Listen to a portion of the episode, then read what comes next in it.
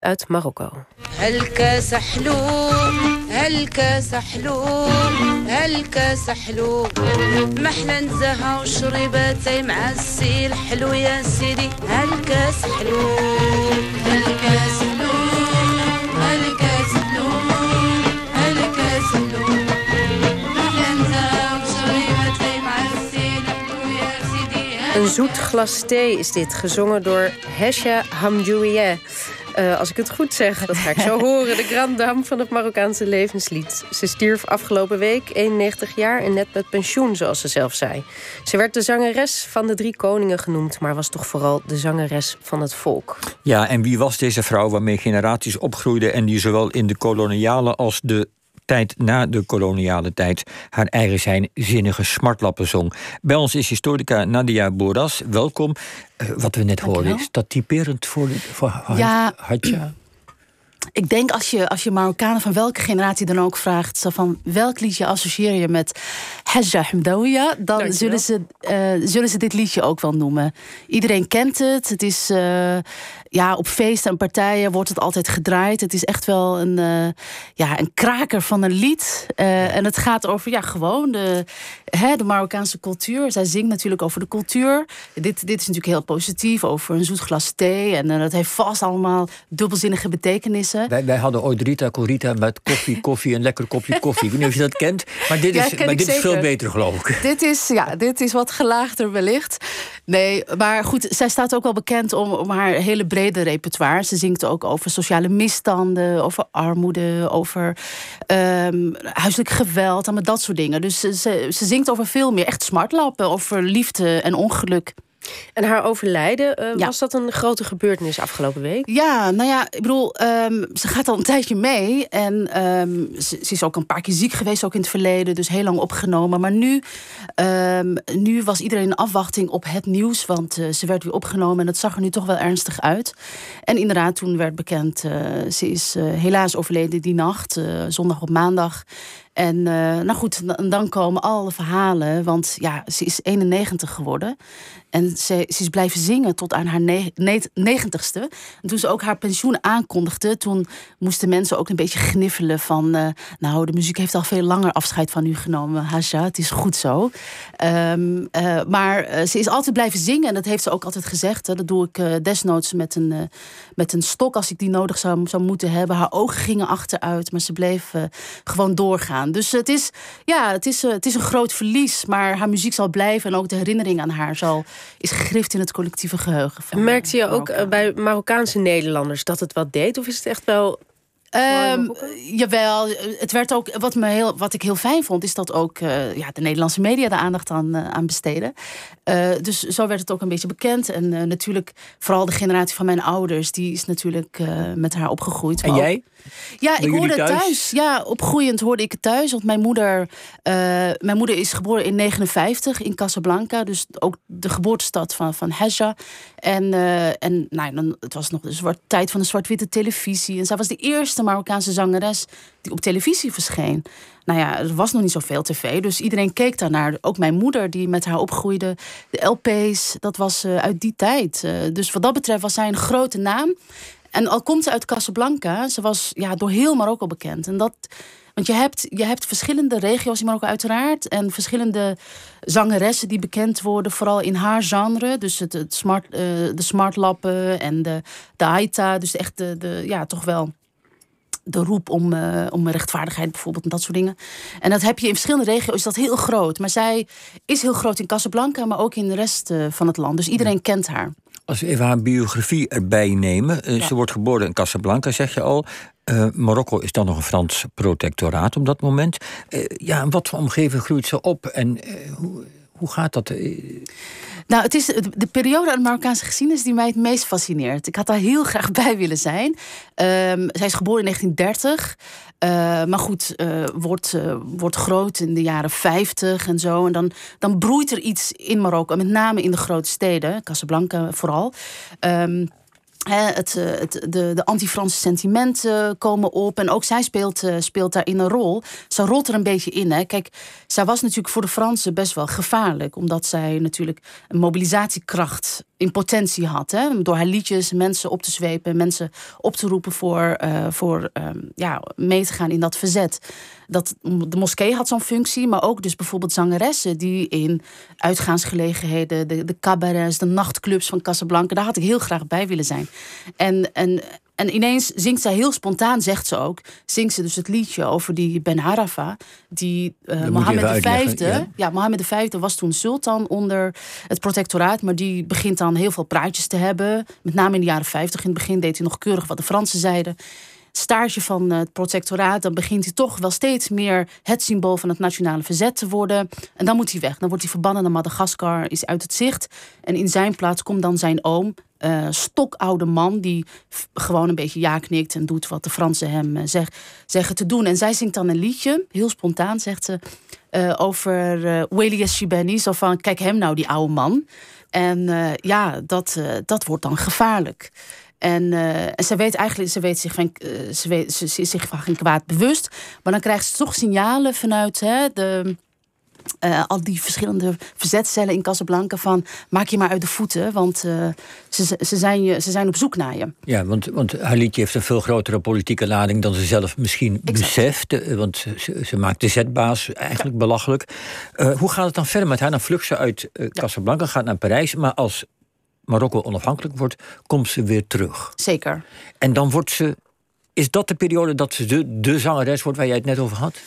Um, ja, dat begint daarna. Um, zeker, want uh, goed, uh, Marokko is in euforische staat. Hè. Bedoel, we zijn uh, eindelijk onafhankelijk. Nou ja, dus heel veel positiviteit in het land, heel veel enthousiasme. En dan, uh, dan is het tijd voor liefde, voor muziek, voor, voor vreugde. En daarin wordt ze groot. De Marokkaanse televisie komt dan ook heel erg op hè, uh, in die jaren. En dan, uh, zij is altijd wel een nichezangeres geworden. Maar op het moment dat ze toch op televisie verschijnt... dan wordt haar bekendheid steeds groter. En dan is ze populair. Ook omdat ze natuurlijk aan het hof zingt dat was in die tijd best wel gebruikelijk. Ik bedoel, zij wordt, hè, jullie noemden het in de introductie, de, de zangeres van de drie koningen genoemd. Dat zijn dan Mohammed V, Hassan II en de huidige koning Mohammed VI. Maar zij was vooral onder Hassan II uh, heel populair. En daar heeft ze ook haar naam aan te delen. Tenminste, haar officiële naam. Want ze heet gewoon Fatima. Zo groeit ze op. Hè. Zij groeit op in hele eenvoudig huishouden in Casablanca. Haar vader is dol op muziek. Dus er zijn altijd muzikanten in huis. Vrouwelijke muzikanten. En dan moet zij van haar vader altijd dansen. Dans, danskind, zegt hij dan tegen En zij danst dan. En, dan begint ze een beetje de smaak te pakken te krijgen. Maar het is niet gebruikelijk dat vrouwen theater gaan doen. Of uh, uh, muzikant worden. Dat, is, dat wil haar vader voor haar niet. En in die tijd was, gingen meisjes nog helemaal niet naar school. Dat was ook de tijd van mijn oma. Die werd ook in een kast verstopt toen de Fransen aanklopten van... de meisjes moeten naar school. Dus zij, zij groeit daar zo'n beetje op. En dan gaat ze eerst het theater in. Uh, tegen de wil van haar vader. Maar dan speelt ze een stuk waarin ze een heel oud vrouwtje moet spelen. En dan noemen ze haar vanaf dat moment Hasha. Want, dan, als je, want dat betekent? Als je uh, naar Mekka gaat op bedevaart, dan krijg je de titel Hash of Hasha voor een vrouw. En omdat ze dus zo'n oud vrouwtje speelt, krijgt ze die titel. En dat wordt gewoon haar artiestennaam. Hasha Hamdawiya. Vanaf ja. dat moment uh, neemt ze daar geen afscheid van. Wij, wij vroegen je om een liedje te laten ja. horen wat jij typerend voor haar vindt. En uh, je koos een nummer waar we gewoon even naar gaan luisteren. En dan leg jij wel uit hoe het heet en waar het over gaat.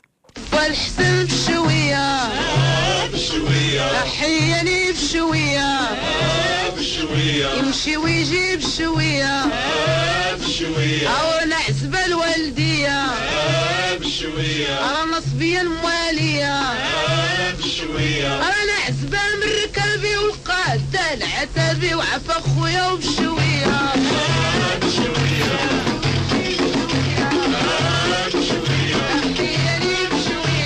Zingt ze hier wat, en waarom heb je het uh, uitgekozen? Nou, ik weet niet of dit heel typerend voor haar is... maar dit is wel een, een uh, markante kant van haar omdat ze hier, dit is vrij expliciet, uh, dus heel, heel seksueel, sensueel wellicht. Maar ze zingt hier dus over. Ze zegt pshoei, ja, dat betekent rustig aan, vriend zo'n beetje. Kalm aan. En het gaat over seks. En ze zegt ook heel, heel, heel duidelijk, heel expliciet... vanaf, van mijn knieën, tot, vanaf mijn knieën tot boven ben ik nog maar maagd. Dus rustig aan. En dat komt ook, denk ik. Hè, vroeger zongen ze daar heel veel over. Uh, tussen de regels door, want. Uh, maar ook soms heel vrij expliciet. En zij is heel jong getrouwd. Dat, dat was vrij gebruikelijk in die tijd. En op haar negentiende had ze een kind en was ze al weduwe. En vanaf dat moment is ze nooit meer hertrouwd. Hè, dus dat maakt ook dat ze carrière kan maken in de muziek. Hè. Dat is vrij ongebruikelijk in die tijd voor vrouwen om zo uit die, nou ja, toch wel traditionele rol te stappen. En hier zingt ze dus vrij expliciet uh, over seks. En dat is ook een belangrijk thema in dat genre.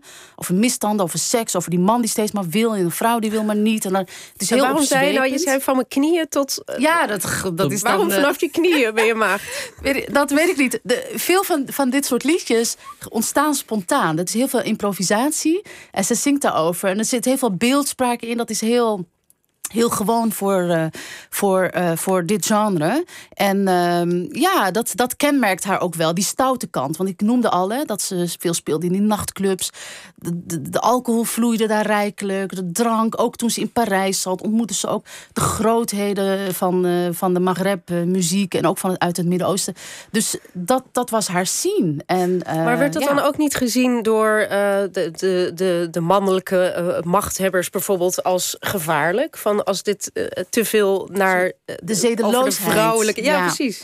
um, nou, wat ik zei, ze was aan de ene kant ook heel erg wel populair uh, in die kringen. Want ze was goed bevriend met, met Lala Aisha, prinses Aisha de, de dochter van, uh, van Mohammed V. Die belde haar dan op. Kom je gewoon een liedje zingen? En dan was ze altijd in het, uh, aan het hof, in het paleis, liedjes aan zingen. Um, dat was ook natuurlijk een manier om, uh, om dat soort mensen in te kapselen. Hè? Want er waren ook heel veel maatschappijkritische zangers uit die tijd, uit de jaren zeventig. En die kwamen echt niet aan het hof. maar zij, zij, zij dus wel. En overigens, haar naam Hasha.